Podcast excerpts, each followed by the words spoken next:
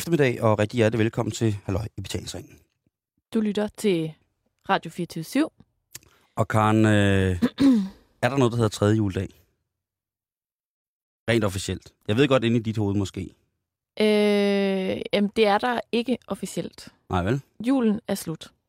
Sådan har jeg det også Den sluttede i går, og det er direkte tilbage på arbejdet. på høje tid at komme ud og arbejde igen, ikke? Jo.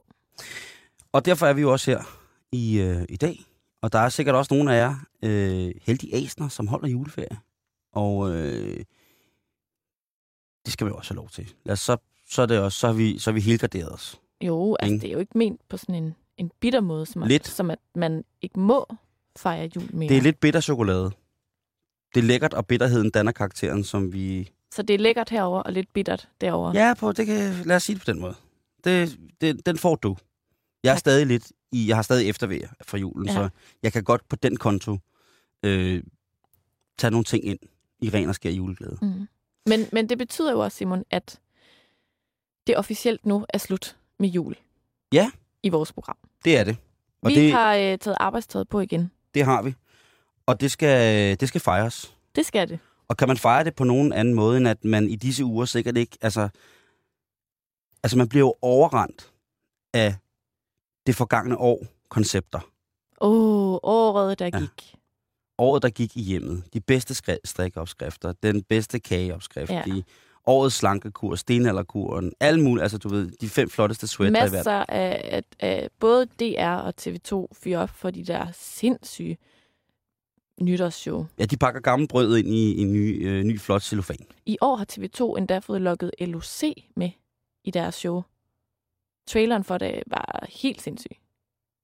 Den har du ikke set, tydeligvis. Nej, Jamen, det det nej. stikker helt af. Det ser, det ser sindssygt ud. Nå, men Men det, det er vildere og nyt, Han er- og han er- siger, han er ny med- indpakning. han er studievært jo nu også. Jo, jo, men og han, profil, han er jo en af de bedste studieværter, de har derovre. men han er bare med. Altså, han siger ikke noget. Han er bare i baggrunden. Det er så mærkeligt. Hvad går, går han og laver et eller Men andet? han står bare i baggrunden. Ja, det er godt nok Og så de mærkeligt. andre TV2-værter siger, nytårsshow, wow, wow, wow, året der gik. Og så står LOC bare som sådan en papfigur. Måske er det. Måske er det en papfigur. Jeg ved det ikke. Det var, hvad han havde travlt med at holde jul. Det kunne godt være. Han er en julens mand. Han er tydeligvis vild med jul. Det er han. Øhm, og så kommer vi til det, som jo også er, øh, er noget, der er mange, der beskæftiger sig med, politik. Og der er rigtig mange, som ligesom har travlt med at sige det forgangne år, og så videre, og så videre. Året, mm. året, der gik i politik. Og den vogn, den galej, vil vi også gerne ride i gang. Ja, det vil vi da i Ja, den grad. det, det er ikke et format, som øh, er, er, hvad hedder det, forbeholdt de få. Nej, Der, øh, eller de fine. Lige præcis. Der rider vi hårdt med. Og øh, i studiet i dag, der skulle vi have haft to ungdomspolitikere. Mm. Det er imidlertid sådan, at situationen har bragt os øh, et, et frafald, eller Et mere, fravalg. øh, øh, ja, eller mere magisk en forsvinden. Ja. Fordi at øh, repræsentativ for henholdsvis Venstres Ungdom skulle, øh, eller for, hvad hedder det, for Venstres Ungdom, ungdom er Morten Dalin. Hej Morten. Hej Simon. Et glædeligt baghjul. Tak skal du have. Og må jeg ikke lige sige en ting, før du Jo, siger det næste? jo. Nu sagde du den bedste kageopskrift lige før. Mm. Og der er ingen tvivl om, den bedste kageopskrift, den finder man, hvis man lytter til Halløj Betalingsringen fra 1. maj 2012, hvor du beskriver, hvordan man laver i hvert fald den bedste fødselsdags lavkage.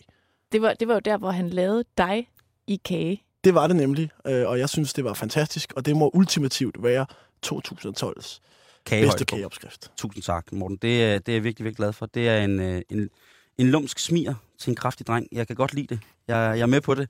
Hvad hedder? Du, kan jo, du ved jo også, og det ved du også godt, nu er du en god ven af programmet. Du ved jo godt, at med Karen og mig kan du løbe om alle hjørner, hvis du har kage med. ja, det, Men der mangler jo nogen. Der mangler nogen, og, øh, og, og, og skam at sige, nu var Morten så sød at henføre os til, til lykkelige stunder i, øh, i forsommeren øh, 2012. Der var jo også, øh, der havde vi også igen besøg af, af Morten til, til folkemøde, og der savnede vi faktisk den samme person, som vi savner i dag. Ja. Det er lidt, Eksisterer hun? hvad foregår der? Er hun ægte? Er det et mønster Er hun Er det- rejst ind i enhjørningens hule? I Nordkorea? Er Ja. det et socialt forfald af værste skuffe? Kan vi gøre noget for at hjælpe? Er der nogen, der ved, hvor hun er? Vi, I hvert fald så mangler vi fra DSU, deres formand, Camilla Svalbe. Ja. Men som sagt, det er jo et magisk øjeblik. Øhm, eller det er jo en, en... Lad os sige, det er, tvivlen kommer hen til gode. Ja, altså fordi for første gang i rigtig, rigtig lang tid har jeg jo Mm. taget min telefon med i studiet. Ja. For det kan jo være, at hun ringer lige pludselig og siger, at hun er på trapperne. Så hvis den ringer lige pludselig, så er det, så er det forhåbentlig hende, Så hvis og der, ikke en eller anden. hvis der sidder nogle skælmske øh, Radio 24-7-lytter derude og tænker, hvad er det nu for noget med kun ham, der er venstrepolitikeren? Så vil jeg sige, øh, ja, det er for noget, men vi ville også gerne have haft øh, en, en, en modpol med, hvis man Ja. kan sige det på den måde. Øh, men når det så er sagt, så er vi dog uendelig glade for, at du er her, Morten. Tak. Jeg har faktisk, Simon, nu sagde du det med kage, og det kom jeg også selv ind på. For jeg har faktisk taget kage med til jer. Ej, Øhm, altså. det har jeg. Morten, din fræk. Og nu er det jo snart nytår, og vi har alle sammen fået nok af julemad og and og flæskesteg og brun sovs. Så nu Ja. kører vi simpelthen øh, ny stil. Har du, har du taget kagen 2013 med? Jeg har taget en 2013-kage med. Du har kigget i, i krystalkuglen, Det har jeg simpelthen, og det og nu skulle hiver være... du også glas jeg hiver op. også glas frem, fordi Wow. ikke nogen øh, øh, nytårsfejring øh, fejring uden lidt champagne selvfølgelig. Hold da der er også med. Det er repræsentanten, den unge repræsentant for det Ej. bedre borgerskab, der har indtruffet øh, en, jeg tror lige i studiet. Hold da op, hvor er det hyggeligt. Det er Ja, virkelig, altså, virkelig fint. øhm, og så selvfølgelig lidt øh, kransekage har jeg også fikset til jer. Ej, hvor er det godt. Nej, nej, nej. Øh, Det er jo, skal Wow. åbne æsken her, som jeg nok ikke er i stand til. Det kan være, jeg hjælpe dig? Karen kan det. Jeg har åbnet en æske fra lavkagehuset før, kan jeg, jeg vil sige, at øh, hvis der er noget, hvis I mangler en spidskompetence øh, et eller andet sted fra, som skal åbne kagekasser, så Wow. Så er det simpelthen Karen. Ser det godt ud? Prøv lige at se, Simon. Morten for helvede. Der er altså. cirka 2,5 kilo kransekage her. Det, Det er, er- virkelig, virkelig lækkert. Det er meget, meget, meget, meget lækkert. Tusind tak for det. Tusind tak. Øhm, Ej, og det er sådan noget med nougat indeni og sådan noget. og det er, det er avantgarde. Det skulle være øh, det bedste af det bedste. Jeg har jo troet, jeg skulle ind med en socialdemokrat, og normalt vil man jo opfatte dem som de der arbejdere fra Sydhavnen. Men deres nuværende formand er jo mere til kransekage og champagne. Ja. Så det var faktisk øh, altså, til ære for øh, socialdemokraterne, jeg har det med. Alle ved jo, uden at, at komme med nogen hensydninger, at skulle jeg have taget man sige, tilbehør med i forhold til Venstres formand, så havde det nok nærmere været, været fad eller brunsvir. øh, men jeg har simpelthen gjort det i respekt for min socialdemokratiske ko- kollega, taget den socialdemokratiske hofret, øh, kransekage og champagne med. Jeg var faktisk slet ikke inde i øh, det gastronomiske fænomen, at, øh, at Socialdemokraterne på den måde øh, fejrer tingene med, med bagværk og munkedruer. Øh, det må jeg sgu indrømme. Øh. Ja. Men det giver, Lækkert ser det ud. det, giver, øh, det giver også noget mening nogle gange. Ikke? Morten, jeg tænkte på, altså, nu er det jo dig, vi har her i studiet Ja. i dag. Øh, så, øh, så jeg lægger bare ud med at spørge dig. Hvordan har øh, sådan... Hold op. Hvordan har året 2012 været for dig sådan personligt? Hvis vi, hvis vi lige, ligesom sidst, pakker det der politiker show sammen, ikke? Altså, Ja. hvordan, øh, når du ser tilbage på det år, der er gået, hvordan, hvad, hvad føler du så? Det har været et øh, rigtig, rigtig godt år, synes jeg. Øhm, jeg synes, det har været øh, spændende at få lov at møde en masse spændende mennesker. Jeg har fået lov at være på en masse spændende rejser. Jeg har fået lov at tilbringe en del tid i Guds eget land, USA. Øh, det er et skønt land. Øh, Det er også et skørt land. Ej, det er fandme Øh, skørt nogle gange. Øh, det var Hvor også var rart, du henne øh, i USA? Jeg var i øh, Nevada, jeg var i Kalifornien, jeg var i Virginia, jeg var i D.C., og jeg var i Ohio. Så jeg fik set alle dele af, af det skøre land over. De er lige skøre øh, alle steder. øh, det var rigtig rart at være afsted. Det rareste var nu også at komme hjem. Ja. Ja. Øh, men så har jeg fået lov at møde en masse spændende mennesker. Fik lov at trykke øh, John McCain, hvis nogen kender ham i hånden i USA. Er du beskriver ham som krigshelt, ikke? Man kan være uenig med ham, og det er der helt sikkert rigtig mange gode grunde til at være. Jeg er også uenig med John McCain på mange områder. Men hvis du bliver taget til fange i en krig, hvad man mener om krigen, sat til side. Du bliver smidt i et fangehul, og det er altså ikke Vestre Fængsel med Playstation og Xbox. Det er et, et hul i jorden i en jungle i Vietnam. Øh, og de finder ud af, dem der er taget til fange, dit far er admiral, og derfor vil de gerne slippe dig fri tidligt. Og du så siger, det vil jeg ikke. Ham, der ligger i hullet ved siden af, han kom før mig. Han skal fri, før jeg forlader det her fangehul. Så har man altså nu siger jeg det, nosser på størrelse med, med Fyn. Det, det er imponerende. Øh, så det synes jeg var stort at få lov at, at møde ham. Det negative 2012, som selvfølgelig ikke er negativt, egoistisk set er det negativt, det er min lille søster, der er begyndt at læse medicin i Odense, så hun flyttede langt væk fra mig, og det er jeg selvfølgelig meget ked af, og savner min lille søster. Jeg er glad for, at det går godt for hende derovre, og hun hygger sig, Men jeg er rigtig, rigtig ked af, at hun er flyttet væk fra mig. Så der har også været noget negativt i 2012. Jeg hører dig. Jeg ved, ikke, jeg ved simpelthen ikke, hvad jeg skulle gøre med min lille søster. Det ved jeg, altså, jeg snakker med hende hele tiden. Og hvis hun, Øh. boede, hvis hun boede længere væk end, end for mig, der, vi bor tre kilometer fra hinanden, det, jeg ved slet ikke, hvad jeg skulle gøre, Morten. Så Altså, det, Min lillebror er i Afrika. Oh, det men er han helt bor der jo ikke. Nej, han, Han kommer, kommer faktisk hjem. snart hjem. Men han har været afsted i tre måneder. Jamen, det er forfærdeligt. Til gengæld bor jeg så 500 meter fra min mor. Så det, der har jeg måske lidt, øh, lidt, lidt, der kompenserer for det. Men Der jeg savner hende. Så Pernille, hvis du sidder og lytter med, så øh, jeg savner dig. Og sørg nu for at blive overført til Københavns Universitet, når du har fået din bachelor, så du kommer hjem til storebror. Der er også virkelig, virkelig nogen, øh, altså, og til, til Mortens lille skal jeg sige, at øh, 69 timers barn på Panum i København er altså noget mere legendarisk end nogle andre medicinfester, jeg nogensinde har hørt om. Og jeg har deltaget, og jeg er også blevet behandlet på selve Panum Instituttet for at have deltaget. Så det er, Men det er jo mega smart. Et eller andet sted. jeg skal ikke nævne navne, og jeg skal ikke hænge nogen ud. Jeg siger bare, det er en fest, hvor Tak. man godt ved og forstår, at de mennesker, som er til festen, de har forstand på, hvordan man kommer op og kommer down. Men Morten, der sker jo også noget andet. Og nu øh, ved jeg godt, at jeg bad dig om før ikke at tage politikerhatten på. Men der sker jo faktisk også noget ret stort her i efteråret for dig. Sådan karriere-wise. Ja, der skete faktisk øh, to store ting. Mm. Jeg blev genvalgt som landsformand for Venstres Ungdom, og det var jeg selvfølgelig utrolig glad for, fordi det synes jeg er helt fantastisk at være. Så blev jeg også valgt til øh, folketingskandidat i øh, Slagelsekredsen i øh, Region Sjælland. Det var jeg også meget glad for, for jeg har altid lært, at hvis man tror på noget og vil kæmpe for noget, så skal du gå målrettet efter det, og du skal gøre det det sted, hvor du selv tror på, at du kan få størst indflydelse, øh, og du kan gøre den største forskel. Og det tror jeg, jeg kan der. Og øh, derfor valgte jeg at stille min kandidatur til rådighed. Og så var der heldigvis en masse fantastisk skønne øh, folk fra Vestjylland, der synes, at jeg skulle være øh, folketingskandidat. Og det er jeg rigtig glad for. Tillykke. Ja, Skal vi, skal vi ikke skåle på Jo. det? Jo, det, øh, Tillykke det, med det, bliver, en- det bliver en skål. Skal vi lige... Jeg Sådan. spiller jeres Skål. pæne Skål derovre. Ja, det, det er okay. Det er jo ret stort, må man sige. Jeg var i hvert fald meget glad. Ja. Og var, hvad var det den plan? Altså, jeg kan huske, at vi snakkede sammen øh, f- 1. maj sidste år og spurgte, hvad, hvad så om, om, om 10 år, eller hvad? Er det stadig politik? Og hvor du så svarede, at det var du sådan set ikke rigtigt. Altså, det var du ikke sikker på. Det var det, du brændte øh, for lige nu, og det var det, der skulle køre igennem lige nu. Men, men ellers så... Der var også, og du har jo også mange andre interesseområder, som, du- som, du- som du synes, øh, der skal bruges tid på og sådan noget. Så, så, men det her med at, at være folketingskandidat, så er det jo det, det er pretty serious business, ikke? Det har du fuldstændig ret i. Og da vi snakkede sammen i maj, og jeg sagde, det var jeg ikke sikker på, så mente jeg, hvad jeg sagde. Jeg er stadigvæk ikke sikker på, at jeg er nødvendigvis om 20 år eller 10 år er i politik. Men det var en naturlig forlængelse af, at øh, det var øh, det, jeg brændte for, og det, jeg havde, ligesom havde sat tid af til nu. Og så åbnede der sig en mulighed, og så skulle man være et skarn, hvis man ikke slog til. Men i forhold til andre interesser, så vil jeg sige, altså, på trods af, at jeg er folketingskandidat, så, så glæder jeg mig stadigvæk mere til fodboldkampen United-Real Madrid, end jeg gør til kontanthjælpsforhandlingerne. For det er trods alt et større event i 2013, end politikerne inde på Christiansborg. Men stadigvæk, så er det vel også, som du selv siger, når man går så målrettet efter det, så er det vel for fanden en, en ild, som man ikke kan som man ikke skal øh, begynde at dæmpe på, men også, som man bare skal, når man har den energi til det, så er det nu, den skal bruges, ikke? Det er du fuldstændig ret i. Altså, jeg øh, var i Sønderborg i går, øh, for at snakke med nogle af vores medlemmer dernede.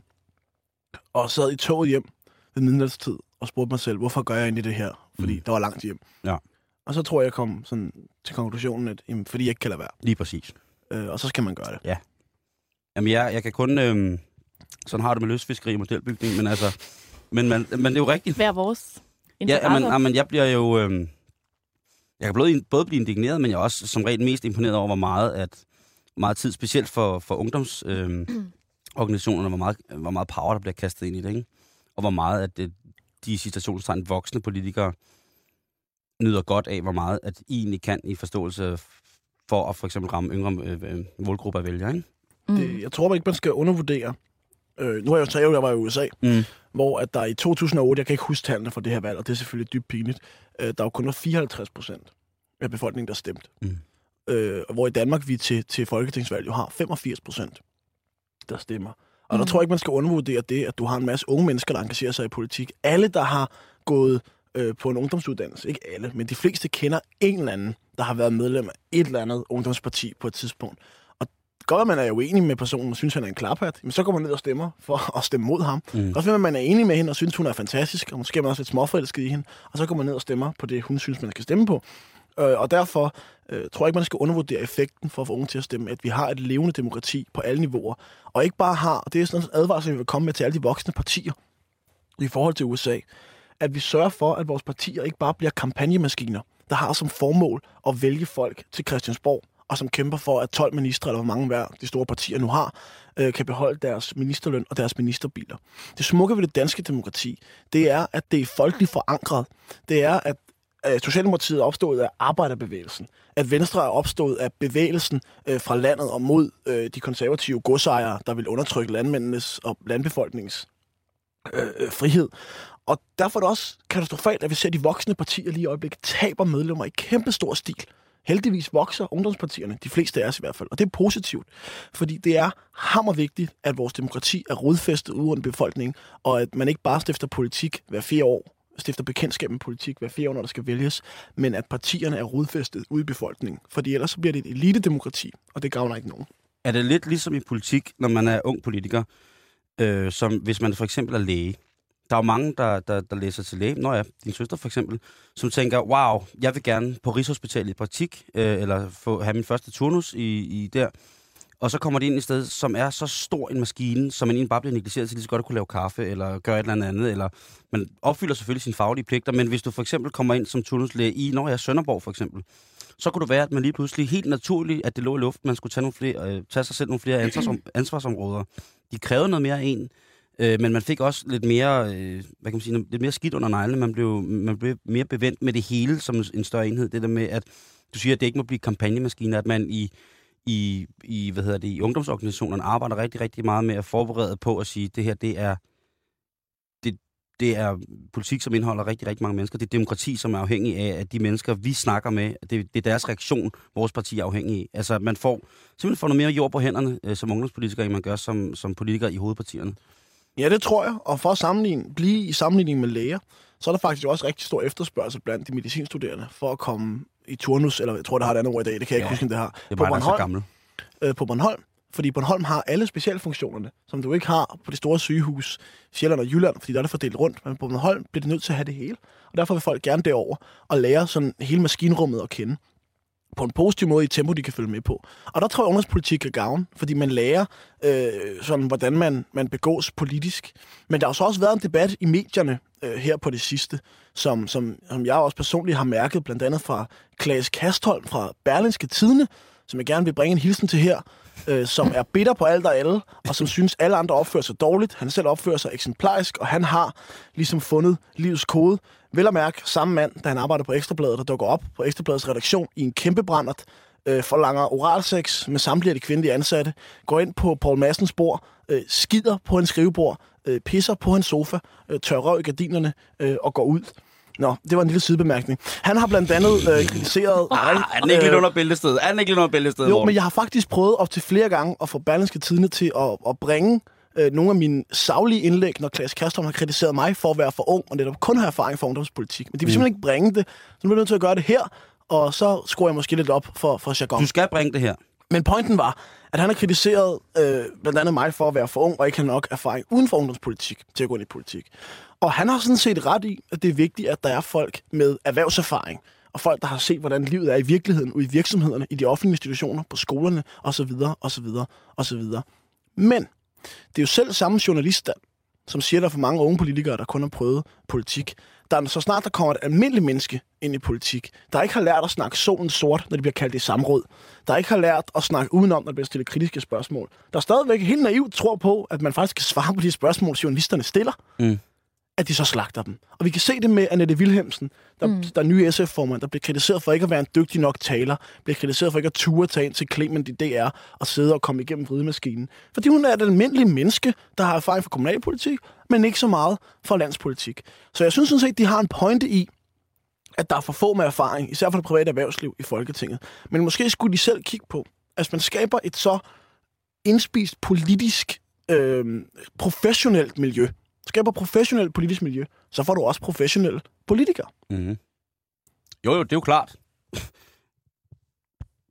Det er jo klart, men jeg synes også, at, at man må tage hensyn til, at nu snakker vi om det her med pressen, øhm, at man jo som, som du er, øh, på den måde, at du brænder for det på, øh, der er det jo øh, fantastisk at høre, at man jeg synes jo for det første, at du er veltalt nok. Så kan man diskutere med, øh, med politik. Der har jo været utrolig meget kritik af, af den nuværende regering i henhold til, øh, at der var for lidt erfaring. Erfaringsgrundlaget var.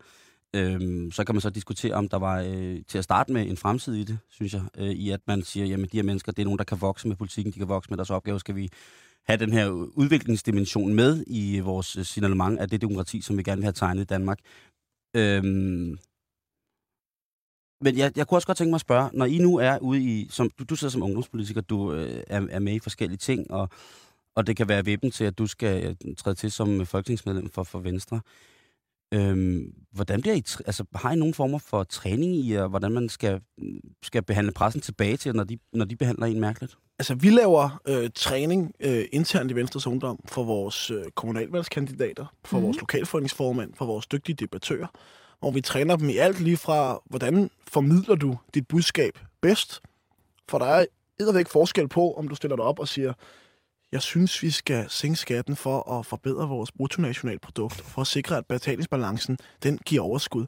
Og så til du siger, jeg synes, vi skal sænke skatten, så du og du og du kan få flere penge mellem hænderne, og så vi sikrer, at der også er et arbejde til dig i morgen. Må jeg spørge om noget? Hvordan træner I? Sådan helt konkret. Jamen, vi stiller folk op, øh, og så giver vi dem nogle af os, der er erfarne, og nogle gange har vi folk øh, udefra, for det er trods alt bedst, for de ved, ved mere om det end os. Øh, så giver de dem nogle gode fif, og så giver vi for eksempel to øh, VU-medlemmer øh, hver deres synspunkt, så vi pålægger dem og siger, jamen øh, nu er du for øh, at afskaffe efterløn. Du er mod at afskaffe efterløn. Prøv at argumentere. Og det mm. lærer man rigtig, rigtig, rigtig meget af mm. at prøve. Og jeg kan også huske første gang, jeg var ude i en paneldebat. Det var på en folkeskole op i Hillerød. Og jeg var rystende nervøs. Øh, jeg har formentlig set ganske forfærdeligt ud. Jeg rystede som et æsbeløv. Jeg har sikkert også svedt af hulen, så jeg ikke var særlig behagelig at være i nærheden af. Øhm, og jeg blev slagtet. Jeg har aldrig lært så meget, som at stå der og føle mig rigtig pinlig og tænke, okay, det skal jeg aldrig nogensinde opleve igen. Jeg skal aldrig nogensinde stå i den situation mm-hmm. igen, hvor jeg står i en debat og føler, hold da op, jeg har tabt det her. Det, siger, det kan selvfølgelig godt ske en dag. Øhm, men siden der har man bare trænet endnu mere, prøvet endnu mere, både internt og eksternt. Og så er man bare blevet langsomt bedre og bedre til det. Og jeg synes da selv, øh, i al ydmyghed, at det går meget godt, når jeg er ude rundt omkring. Åh oh, jo, det... Oh, jo, det, det skal du nok komme efter. Men er det, så, men er det, sådan, er det også sådan lidt sådan pressestrategisk? Altså, går I så langt, som at I snakker om sådan, øh, hvordan I ser ud, og kropssprog, og hvad for noget tøj I har på? Og... Vi taler utrolig meget om kropssprog. Det er ufattelig vigtigt, om du står med, med, med armene krydset, når du står foran en flok mennesker, eller om du står og, og bruger dine din arme til at artikulere. I forhold til tøj, øh, der er rigtig mange, der går meget op i det. Altså, du er jo meget velklædt. Tak. Altid. Tak, tak. Ja, du skulle det, man vil kalde nydelig. Ja. Tak. Øhm, der skulle du se min, min gymnasiedag. Men det var, det var. Det vil jeg faktisk gerne. Øhm, jeg, jeg tager et billede med næste gang. Øhm, mit råd til folk i forhold til tøj. Der er mange, der siger, at husk at komme der, det der, øh, vær jeg selv. Øh, tag det tøj på, I føler jer godt tilpas i. Øh, selvfølgelig kan man vælge måske at lade være med at tage Black Sabbath t-shirt, hvis du skal ud og diskutere ældrepolitik på plejehjem. Men hvis du har det bedst i en t-shirt, så tag en t-shirt på. Er du godt klar, hvor gamle dem for Black Sabbath egentlig er, Morten? Det kunne godt være, at man ramte virkelig plet. Det kan selvfølgelig godt være. Men Det faktisk, faktisk har du mulighed Yes. Måske skal man lade være med at tage den på, hvis du går ud på efterskolen, for de ved ikke, hvem Black Sabbath er. Mm. Øhm, men, men min point er, jeg råder faktisk ofte folk, når det handler om tøj, til at være sig selv. Fordi hvis du står i noget, du føler dig utrolig ubehageligt til mod i, så, så går det ikke særlig godt. Øh, og jeg tror faktisk, jeg har nævnt i jeres program en gang før, mit yndlingsbeklædningsgenstand, det er min blå hættetrøje. Og den har jeg faktisk haft på utrolig mange gange, når jeg har været ude til debatter, fordi jeg føler mig enormt godt tilpas i den. Den er begyndt at lugte lidt mærkeligt. Men jeg Du føler mig... vaske den. Ah, Lige over til mor og få den vasket. nej, det gør jeg faktisk ikke. Jeg har vasket selv mit, mit, mit, mit tøj. Tak, det er vi Øhm, meget glade for. Øh, men, men min råd er, at man faktisk skal være sig selv i de fleste henseender. Også det der med at begynde at tale politikersprog og så videre. Det kan være meget fint en gang imellem, hvis du gerne vil være statsminister. Men hvis Mm. du er kommunalvalgskandidat i Herning Kommune, og du er ude på det lokale gymnasium og skal fortælle eleverne, hvorfor de skal stemme på dig, så tal, som du ville gøre, hvis du sad ved siden af dem og skulle argumentere øh, helt almindeligt. Mm. Altså, lad være med det der øh, politikersprog. Lad være at virke desperat efter at være noget, du ikke er. Mm. Altså, det er jo ligesom, hvis man går i byen om aftenen. Hvis du virker enormt desperat, så, så får du altså ikke hende den flotte øh, pige til at tage med dig hjem. Vær den, du er. Øh, det, er, det er faktisk det bedste råd i forhold til vores øh, kandidater, fordi folk de gennemskuer, og folk er trætte af politikere, der prøver at være noget, som de egentlig ikke er. De vil gerne føle politikerne. Jeg synes også, de kunne se det, hvis jeg må bruge et eksempel. I valgkampen, øh, folketingsvalgkampen, vi oplevede, det så i Mm. 2011, øh, det var det virkelig vendt. Det var en debat, jeg tror det var i DR's koncertsal, hvor at Helle Thorning, hun siger til Lars Lykke, når du lukker regionerne, så kommer folk til at dø på ventelister. Så kigger Lars Lykke på hende og siger, prøv at høre her. Jeg har brugt hele mit voksne liv på at arbejde med sundhedspolitik. Min egen mor døde, ikke fordi lægerne var for dårligt, men fordi de sendte hende fra, fra, fra behandling til behandling til behandling. Min egen far har prostatakræft. Jeg går ret meget op i det her emne, så lad være at stå og beskylde mig for, at jeg ønsker, at folk de skal dø. Mm. Der var ikke noget politikersnak der. Det var sådan, han følte. Jeg tror, folk, danskerne kunne se på Lars Lykke. Hold da op, det ramte ham det der. Og det var faktisk der, hvor det vendte. Og det er det, der gør til, at Lars Lykke, han er den, når du kigger på de der målinger, øh, den, som et flertal af danskerne tror er bedst som leder og mest troværdig, Mm. og så videre, og så videre, og så videre. Altså man siger i hvert fald, at det er den faktor, han ligesom har, som Ja. ja. Helle måske ikke, Ikke- har så meget af. Men, men han, og så er han gift med en eller anden fra Færøerne, ikke? Jo, så, og og så det ved man, at kortet- han er nuts. Det kort har Helle ikke helt. Hun har et helt andet kort. Ja, det, det er kommer vi ind på senere. Nej, men jeg, så vil jeg bare lige spørge, Morten. Ja. Når du nu siger, at det er så vigtigt med, Jo. at, øh, at, man, at, at I som, når I så i jeres politiske embede fremtræder som troværdige, altså at vi tror på jer, at der kommer den her nærhed, øh, der kommer nogle punkter, der kommer nogle personlige assetter, som, Mm. øh, som man kan hive frem. Øh, øh, din lille søster var fantastisk. Øh, Jeg var lige ved at få sympati for dig. øh, nej, slå røv. Men når man nu kommer ind, og så kommer ind i en, bliver en del af det større maskineri, ikke? og man får en, for eksempel en spindoktor, Mm. Hvordan fanden vil du have det med, at der skulle sidde en anden mand og forklare dig strategisk, hvordan du fungerer? Jeg tror, at debatten om, om spindoktorer, den er lidt øh, overvurderet. Jeg tror, man, man, man overvurderer deres rolle. Det der er faktum, i hvert fald for de, for de mest magtfulde ministre, måske Mm. ikke for Mette Gerskov, øh, som i øvrigt, tror jeg, fra samme område. Så er du ikke fra Roskilde? Ej, Jo, det er det, hun i hun, hvert jo fald. også, hun har jo juletræsplantage derude. Ja. Jeg tror måske ikke, hun får 10.000 mediehenvendelser om dagen. Men for eksempel tager Bjarne Korydon, som er finansminister. Journalisterne ringer jo hele tiden.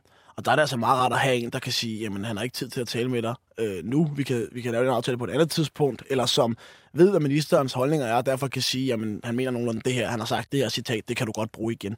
Øhm, men jeg er ikke uenig med dig i, at man skal passe på som politiker og lukke sig for meget ind. Og det er også derfor, og jeg ved godt, det er et symbolsk ting, og det er en lille ting. Mm. Men nu har et flertal af Folketingets præsidier, altså dem, der sidder og bestemmer over selve Folketinget, de har jo lige besluttet, at vi skal lukke Christiansborg af nu, så biler ikke kan køre igennem øh, forbi hovedtrappen derovre af terrorfrygt. Og jeg har det sådan. Hvis der kommer en tosse, jeg behøver ikke nævne, hvem det er, vi tænker på, vi ved altså, hvem det er, der gerne vil gøre noget, noget grumt ved, ved Christiansborg, så skal han nok gøre det alligevel. Nu forskanser vi magtens centrum i Danmark for helt almindelige danskere, der ikke længere kan køre bil ind forbi og kigge. Det synes jeg er forkert. Jeg synes, det er et forkert signal at sende, at vi lukker os inde. Det synes jeg også, det er at gøre med, en- med en her af spindoktorer.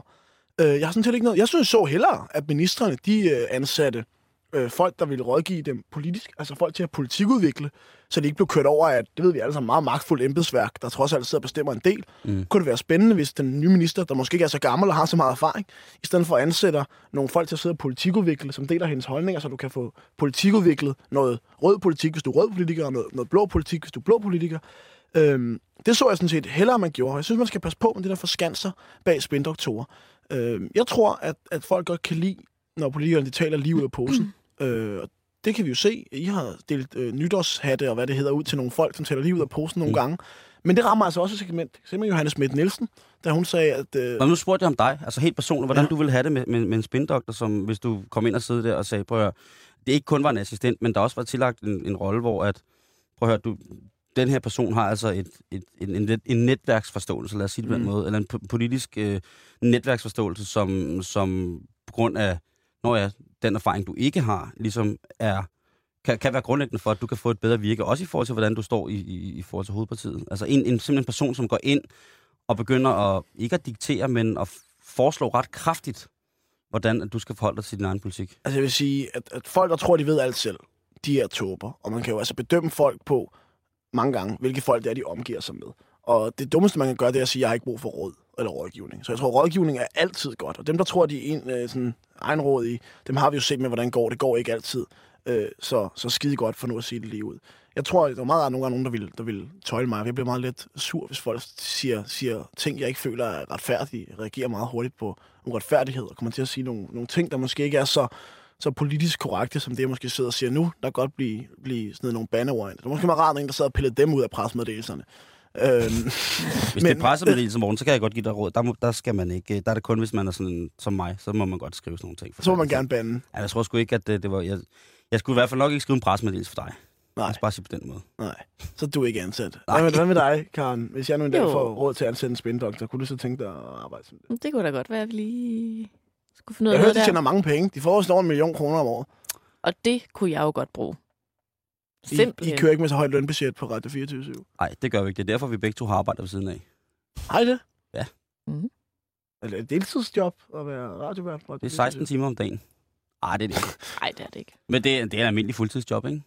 Øhm, og det er, øh, jeg vil sige, øh, over på ingen måde påklageligt betalt. Overhovedet ikke. Det, vi klager overhovedet ikke, og vi har en fantastisk øh, arbejdsplads. Så det, og det er jo igen, altså det er jo, der må man sige, at øh, i sådan, lad os bare tage den konkrete situation, hvis vi gør det personligt, at hvis man vil med til at gøre en forskel, så bliver man også nødt til at øh, kravle, før man kan gå i alle henseender. Så kan man så selv bestemme, hvor hurtigt man vil gå fra kravlestatet til tobindstatet. Men, øh, men når man vil være med til at starte øh, radiostationer op, som skal koncentrere sig om taleradio, som skal have plads og råderum til at hive øh, ungdomspolitikere ind og give de ungdomspolitiske organisationer taletid, så skal man bare ikke forvente, at man til at starte med bliver, øh, bliver forgyldt på nogen måde overhovedet, hverken økonomisk eller, eller anden ans, ansigelsesmæssig øh, valuta. Øh, man skal bare sørge for, at man har sig et mål, og det hedder, at vi skal gøre det her så godt, som vi overhovedet kan, og derfor så er vi fokuseret på det, og så knokler vi røven af bukserne for, at det skal ske. Og se, Simon, der tror jeg, at lytterne sad og, og følte, at du brændte. Du brænder Mm. for at lave Mm. det her radioprogram. Der er gået ild i Simon. Ja. Og det tror jeg virker. Altså, i stedet for at du stod og, og kom med alle mulige fine gloser om, det er også vigtigt for den demokratiske proces, at vi har nogen, der taler og sådan noget. Mm. Hvis det ikke er det, du mener, Den dag, hvor jeg taler sådan, så melder mig ind i Venstres Ungdom. Ja. Morten, Morten, noget jeg har tænkt på, Ja. ikke? det er, altså, nu er vi ved alt det her øh, mediecirkus og spindoktorer og alt sådan noget. Nu er du jo sådan, måske på vej ind i Folketinget, og måske på vej ind i en, en lidt mere eksponeret politisk karriere. Øh, hvad gør du der af tanker om det her med, at du ligesom putter dig selv ind i sådan et spil? Altså nu siger du selv, at, at åh, der kan da godt lige ryge en bemærkning og et bandeord og så videre, men, men, men hvor meget forbereder du dig på nu, at, at du måske lige pludselig er på forsiden af BT og Ekstrabladet, og folk har været inde og grave og pille, og altså, du lige pludselig skal ja, se på dig selv på den måde? i forhold til, hvad jeg siger, så tænker jeg ikke på den måde, fordi, som jeg lige sagde, jeg siger, hvad jeg mener, og det tror jeg er den måde, man, man kommer derhen på, hvor det kan blive et problem. Det er Mhm. ved at sige, hvad du mener. I forhold til, hvad jeg gør, nu skal jeg passe på, hvis nogen af mine, af mine kammerater hjemmefra hører med. Så for eksempel gå ind på min Facebook-profil, så har jeg lukket for adgang til at kigge på de billeder, som folk har, har taget af mig. Fordi der er billeder, hvor du... der måske ikke er så pæne. Og når vi, jeg har et fodboldhold, øh, som, som, jeg spiller ikke så meget fodbold med dem. Øh, jeg, jeg er meget glad for at komme til julefrokosten, og når vi tager til udlandet og, og hygger os, øh, og tager på ølferie og så videre. Og der har vi også aftalt, at øh, der, øh, der tager vi ikke billeder. Først var det af mig, øh, så der blev lagt op nogle steder, men nu er nogle af de andre faktisk også fuldt efter, fordi de begynder at få job, hvor det ikke er så heldigt. Jeg har en kammerat, der er bankrådgiver, hvor en chef øh, googlede ham, og, og fandt ham øh, et billede, hvor han lå øh, fuld i en metro øh, med nissehue og sov op ad et juletræ, han vist nok havde Ikke havde øh, betalt for. betalt for, siger jeg så i gåsøjne. Ikke? Ja, Øhm, og det er jo ikke særlig heldigt. Nej. Øh, og i den moderne medieverden, vi lever i, hvor alt kan finde frem på et, på et splitsekund, så tænker jeg rigtig meget over lige præcis øh, den del. Øh, der skal nok komme noget frem, hvis de gerne vil finde noget. Fordi Mm. der findes der også dumme billeder af mig. Øh, og ja, jeg har da også stået i en situation og, og drukket øh, af en ølbong, der ser forkert ud et eller andet sted, eller stået med, med, med ikke særlig mange benklæder på og sagt dumme ting øh, mange steder. Og det kan sikkert også godt findes frem en dag. Øh, men jeg tænker over det. Øh, det må jeg være helt ærlig at sige. Det gør jeg. Øh, og så kan man sige, at det er kynisk. Jo, det er det måske nok. Øh, men jeg tror desværre, det er nødvendigt. Man kan Øh, sige, det- så- ja. Nej, jeg, vil sige til dig, øh, Morten, som, øh, som et individ, som har væltet rundt i den der verden i rigtig, rigtig mange år, at øh, det vigtigste er at finde sit eget lille private holdested. Og gøre sit private holdested til et sted, som ikke helt naturligt er det, som politikerne vil snage i. Fordi de ved udmærket godt, hvilke reaktioner de vil få. Altså, de, pressen læser lynhurtigt en mand som dig, som at sige, okay, hvis vi prikker Trump på den rigtige måde, så kan det afføde nogle irrationelle reaktioner. Og øh, det er de rigtig, rigtig, rigtig gode til. Og det eneste, man skal finde ud af, det er bare at sige, jamen, de ved godt, hvad det er, jeg trigger på. Så når de kommer med de der ting, så løber det ind den ene side og den anden side. Og så skal man have sine egne små private steder, som ligesom er nogle ting, man kan holde af, uden at der er nogen, der skal blande sig i det. Og så synes jeg, det er en god idé, det der med, at man kan... Altså nu, det er lige meget for mig, fordi at bill- dumme billeder af mig på nettet, det er jo, det er jo noget, det er det, jeg lever af, stort set. øhm, så, øh, hvad hedder det, men, men jeg, jeg synes, vi skal komme frem til, øh, eller det der med, at man har sine egne private steder, som ligesom er fuldstændig uden for politik, og uden for, for, for ens offentlige virke, men man har de der små pletter, som man tænker, her, det her, det kan jeg gøre til mit fuldstændig, ikke? fordi så gør det det 10 gange nemmere at, øh, at parkere det der øh, Men, Ja. men jeg vil bare lige sige, i forhold til det, jeg, jeg er fuldstændig enig, og, og tak for, for rådet, det er, som jeg lige sagde, altid dejligt. Men i forhold til det med, med følelser, at man godt kan blive lidt vred en gang imellem, hvis man siger Mm. mm. noget, øh, så er det ikke, altså ikke noget, jeg kommer til at lægge på hylden. For det er også Nej. en del af, hvem jeg er som person, og derfor også som politiker.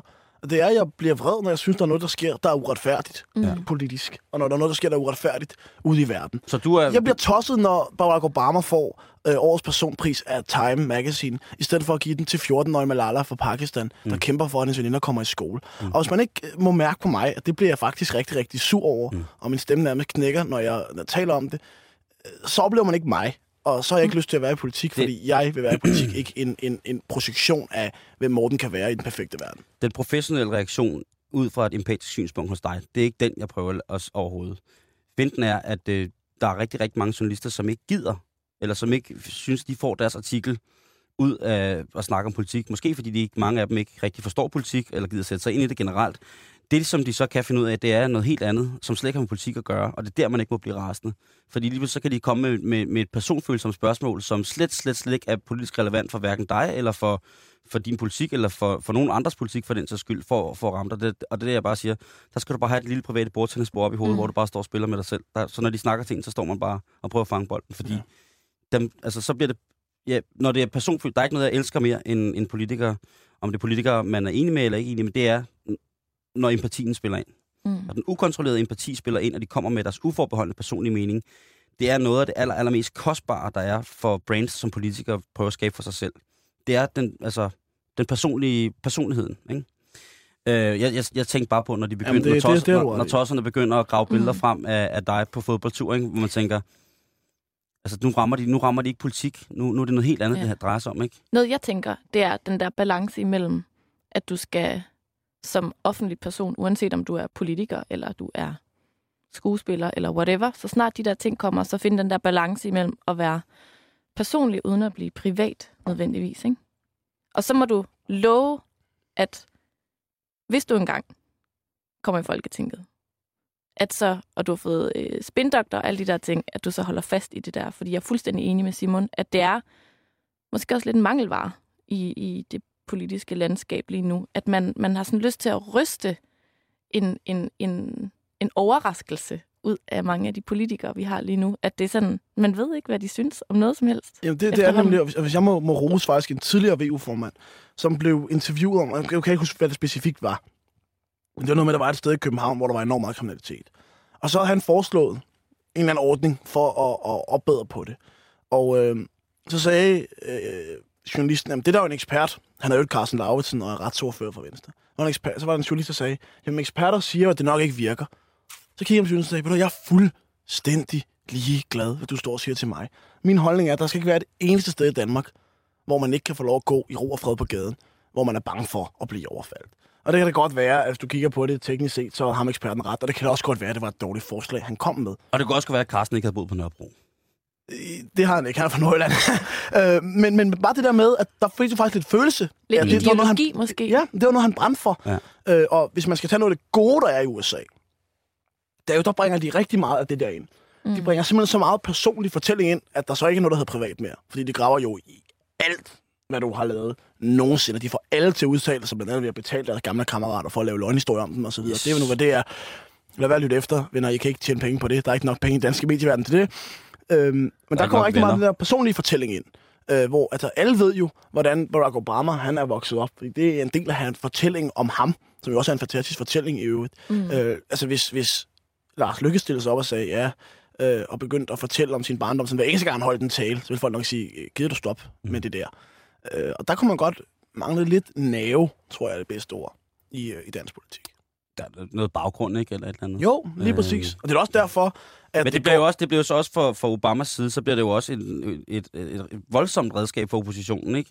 I forhold til ham. Jo, jo. Øh, at, at så, øh, hvad de graver frem, det er så også øh, lige så stille og, og binde lykken og lægge den om halsen på ham, hvis de kunne få lov til det, ikke? Fuldstændig. Øhm. Det er jo det, der er faren ved at gøre det. Ja. Øh, det er jo det, der er faren ved at gøre det. Men, men den personlige fortælling, hvor man får noget nerve ind i det og tror på, det her, det, det, det betyder noget for mig. Det, det Ja. tror jeg er vigtigt. Men det er også en udbredt misforståelse, at man som politiker skal være fuldstændig fejlfri. Et eller andet sted. Jamen er det det?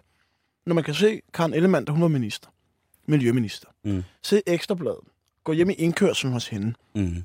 og Og rode hendes en- skraldespand, for at se, om hun har smidt øh, ting ud, hun ikke må Mm. smide ud, så er forventningen der, at hun er perfekt. Men det er jo også Men, ekstra men det er det, jeg mener, at det er ligesom det, er ligesom det bål, der brænder lige nu, ikke? At, at, at du som politiker, det er også derfor, du skjuler dine billeder. Det er også derfor, at, at der, der er også sådan ligesom en, en myte, man er med til at, at, at opretholde omkring, at de her mennesker, der skal lede Det vores ret i, og jeg vil gerne... øh, land, de skal være fuldstændig fejlfri og perfekte. Og det i virkeligheden det, som er sådan... Jeg synes, det er ærgerligt. og jeg kan da godt sige nu til, til, til dem, der lytter med, og også hvis jeg skulle blive til noget i fremtiden. Jeg er overhovedet ikke perfekt. Jeg har lavet rigtig, rigtig mange dumme ting. Du skal bare love at, at, det. tilstå, hvis, der, hvis du bliver konfronteret med noget, så sige ja.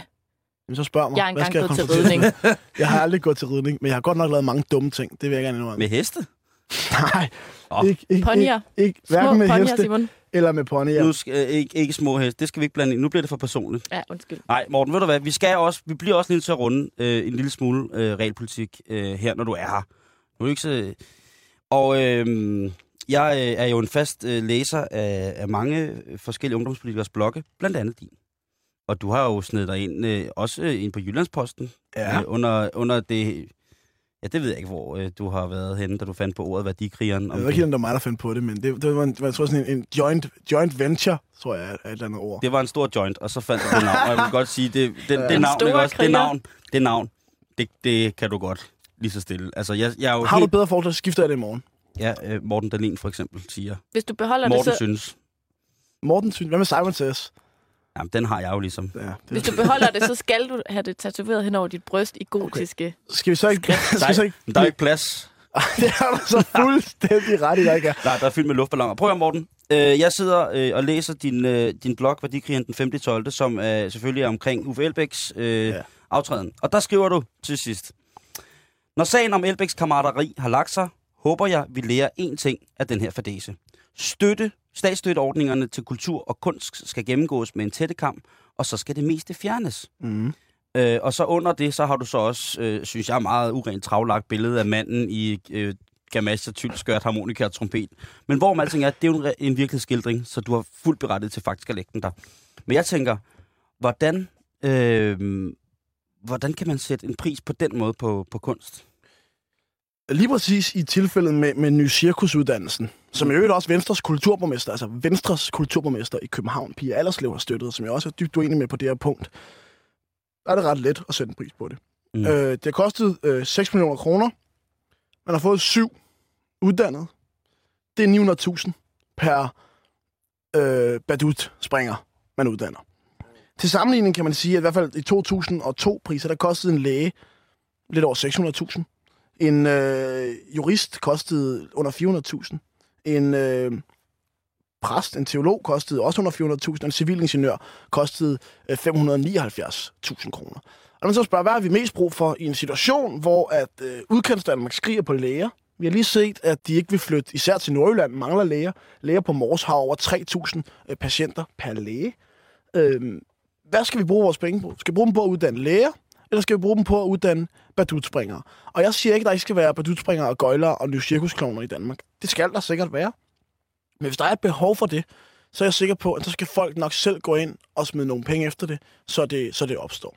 Og jeg er ikke rentalist. Jeg er meget glad for, for kunst og, og kultur, øh, men jeg synes ikke nødvendigvis, at det er øh, Sydhavnsarbejderen, eller hvad skal vi sige, et bedre eksempel, øh, arbejderen på Aalborg Portland, der mangler en læge, opgave at betale for en kulturinstitution i København, når han hellere vil have en læge i Aalborg.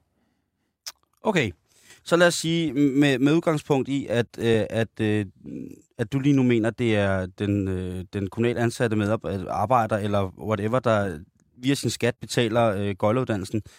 Lad os sige, at øh, det her forslag bliver kørt igennem. Lad os sige, det, den her ting, øh, som, det forslag, som du har kommet med, eller det her spørgsmål, er blevet til en realitet, og siger, jamen, tættekampen er kørt igennem kulturmanageriet af folk, der laver lydinstallationer, maler kæmpe billeder, laver cirkus, øh, spiller harmonika og trompet, gud bedre det på samme tid. Øhm, hvad hedder det? Det er ikke blevet kørt. Og så er der nogle få store institutioner tilbage, som modtager voldsomme mængder af penge i forhold til støtte.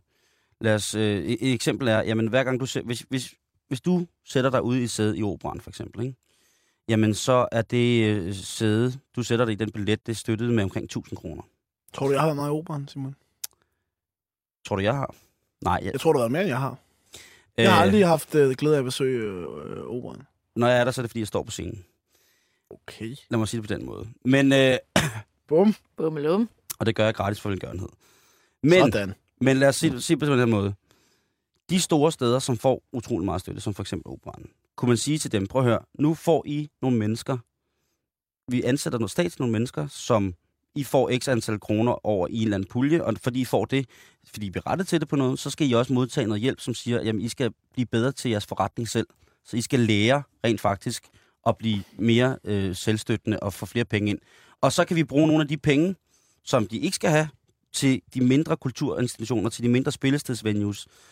For mig som udøvende kunstner, nu bliver det personligt igen, der er ikke noget værre end for mig end at se de her spillesteder, de her holdepunkter for unge mennesker, som bliver lukket på stribe, øh, fordi at øh, kunststøtten, eller fordi støtten frafalder dem, fordi de ikke, øh, ud, de ikke sender de rigtige protokoller tilbage med, hvad de har fået, eller hvad de... Altså, der kan være alle mulige grunde til det, men mest fordi, at jamen, det kan ikke betale sig for nogen andre end dem, og ligesom at, at, at støtte det, eller holde det åbent. Altså, jeg synes sådan set ikke, at, at den nødvendigvis, at, at, at operahuset, øh, operan og, og det kongelige teater, og så videre, så videre, så videre, skal have den støtte, som de får i dag. Burde det ikke være nogle selvstændige institutioner, der jo, kunne jeg tjene mener, penge jeg mener nok? altså, grundlæggende har jeg et princip om, at, at sådan nogle ting, de skal være selvkørende, og jeg kan ikke i, i princippet, og der, der er selvfølgelig undtagelser, øh, hvis, man, hvis man mig virkelig på klingen, i princippet synes jeg ikke, at de skal modtage øh, offentlig kulturstøtte. Jeg har et andet forslag, man kunne gøre. Mm.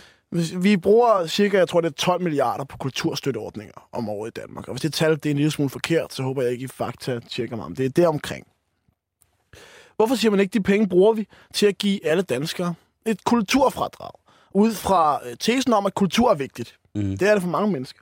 Hvorfor siger vi så ikke, jamen så kan du bruge, øh, når du kører billet til det lille spillested på Vesterbro, Mm. så er det så det, du kan trække fra. Men når Karen, og det ved vi jo alle sammen, Karen gør, vælger at tage til Backstreet Boys koncert i Herning i stedet for, så er det kultur for Karen, og så kan hun trække øh, det fra.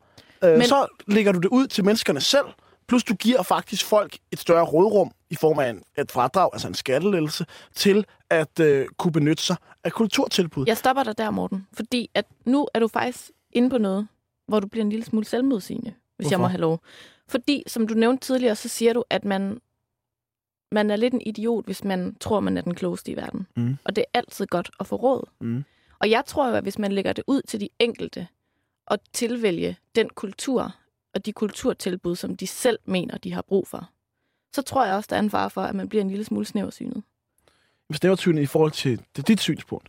Og det er ud fra en tese om, at dit valg af det lille Vesterbro-sted er vigtigere end, end Simons valg af Backstreet Boys-koncert. Nej, for jeg tror, jo, jeg tror jo, at man, man har brug for os at blive mødt af kulturen. At det ikke er noget, at det kun er op til dig at opsøge den. Men tror du, at jord- betonarbejderen fra Horsens tager til Vesterbro og går med Simon ind på hans, på hans lille øh, jazzklub? Det tror jeg ikke, men jeg tror måske, at han ser... Øh, han skal se med nu her, når der kommer næste sæson af Borgen øh, søndag aften, og på den måde indgå i et kulturelt fællesskab med rigtig mange andre mennesker. Og jeg tror faktisk også, at han øh, kunne måske godt finde på at have været i kirke nu her juleaften, eller han kunne have Det var jeg også. øh, have været ude og se et eller andet forfærdeligt, men fantastisk amatørteater, som hans datter øh, havde hovedrollen i i den lokale teaterforening. Altså alle de der ting, og det samme med sportsklubberne. Og, altså, jeg mener bare grundlæggende, at det er godt at være opsøgende omkring kultur, men jeg synes også, Jeg at bliver bare nødt til... det er fint, at samfundet indimellem os øh, præsenterer kulturen for os. Og går- også noget, man ikke selv vil have Jeg går valgt. meget ind for, for kultur. Men hvis du kigger på nogle af de subkulturer, der er startet netop i sådan nogle små, nu er det så ikke Vesterbro, hvis man kigger på et andet land, hvis man kigger på eksempel USA, hvor at måske de mest succesfulde subkulturer, der så ikke længere er subkulturer, hiphop, jazz, det var ikke fordi, der kom en kommunal medarbejder, eller en medarbejder af det kulturministerium, der jo ikke eksisterer i USA, og sagde, her, mand fra New Orleans, her er støtte, så du kan få lov at købe dig en ny saxofon. Det var fordi, det opstod blandt befolkningen, uden det blev kommunaliseret, uden det blev statsligt gjort. Men Ej, folk, der det valgte selv at gøre det, og så blomstrede det jo op. Jeg tror lige, at øh, altså, der, rent kulturhistorisk, så trækker du nok de to aller dårligste eksempler, både med hiphop og jazz. Er det blev statsstøttet? Øh, nej, men i forhold til, hvordan det opstår, hvordan det fungerer videre og øh, genererer sig selv som subkultur.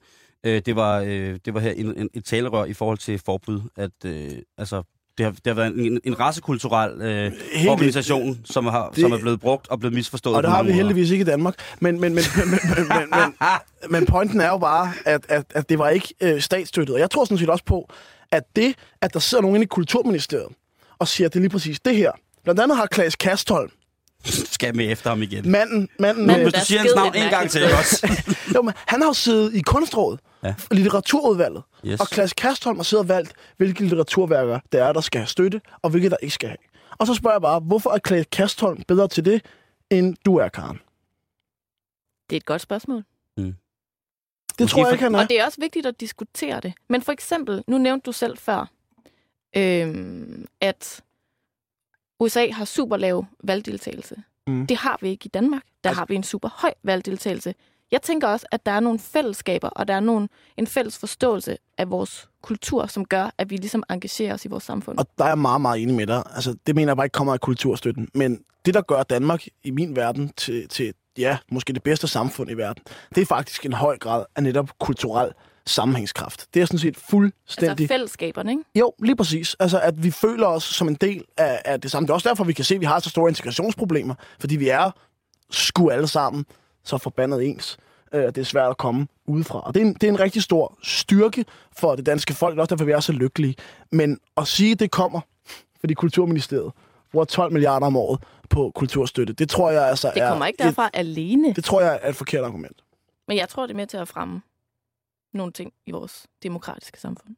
det er med til at fremme, og, øh, og det er også med til at skabe, øh, skabe rigtig, rigtig meget glæde. Jamen, hvis du kigger på det, så lad os da tage, hvem det er, der bruger mange af de kulturtilbud. Hvem er det, der læser den bog, som Klaas Kastrup har fået udgivet? Det er altså ikke øh, øh, jordbetonarbejderen fra Horsens. Eller... Det ved du da ikke. Hvad er det for en er hånd? det? det er det ikke. Det kan du se på statistikkerne. Hvis du kigger på den øh, Jeg er kultur... ligeglad med statistikkerne. Jo, men det, altså, hvis du kigger på... Er vi ikke enige om, vi skal sige, hvad vi synes? Jo, selvfølgelig. Hvis du kigger, den kultur, som de fleste danskere forbruger, jamen det er jo så den brede kultur. Mm. Det er jo kun at se landskamp. Mm. Men det sidder øh, snobberne inde i Kulturministeriet og siger, nej, det er ikke fint nok til os. Hvis du kigger på det fra en, en, en geografisk synsvinkel, så er det også centreret meget af den støtte, der kommer. Men- i København. Altså, hvis du kigger på det på den måde, og man siger, okay, nu dropper vi planen om, om at fjerne mange af støtteordningerne, det siger vi, og jeg har accepteret det argument, så er det mindste, man kunne gøre. Det var der at brede det ud, så det ikke alt sammen bliver centreret i København, fordi så bliver der sådan noget københavneri, hvor der ikke er noget kultur til dem ude i provinsen, og så kan de fine mennesker inde bag voldene sidde og grine af dem og tænke, det er da også så rart at spise kransekage og drikke champagne på det mondæne Østerbro. Amen. Og øh, det var, Morten, det er altid dejligt at få dig lidt op imod det røde felt. I love it. We love it. Morten, øh, tusind, tusind tak, fordi du vil komme her ind. Og øh, er der en gang, må vi jo her i Halløjbesanden sige, øh, Socialdemokratiet dukkede ikke op. Nej, Jeg håber, det er, fordi de har pisse travlt med hvis at få du styr lytter på med, muligt. Camilla, så Godt nytår, godt Camilla. nytår til dig. Og øh, godt nytår til dig, Morten. Tak, og skål. Vi glæder os til, øh, til det nye år, og vi glæder os til at se, hvad det bliver til med dit øh, folketingskandidatur. Du skal have... Det bliver forhåbentlig ikke i 2013, at det bliver Det, aktuelt. det, det, tror jeg heller ikke, det gør. Det tror jeg heller ikke, det Vi, gør. øh, vi øh, sender i hvert fald øh, positive vibes efter dig, og tusind tak for kage. Selv tak. Karen Ståb, Simon Jul, tak for i dag. selv tak. Tak for kranskær champagne ikke, til Morten. Og er du sindssyg. Han er fandme er svigermors svigermors drøm, ikke? Det er skrækkeligt. Det er Ja. dejligt. Han skal, han skal bare blive mere rasende. Ja, mere, ikke? Det er fedt. Klokken den er blevet 18, det betyder, at øh, du skal have en nyhedsoversigt fra Radio 24 /7.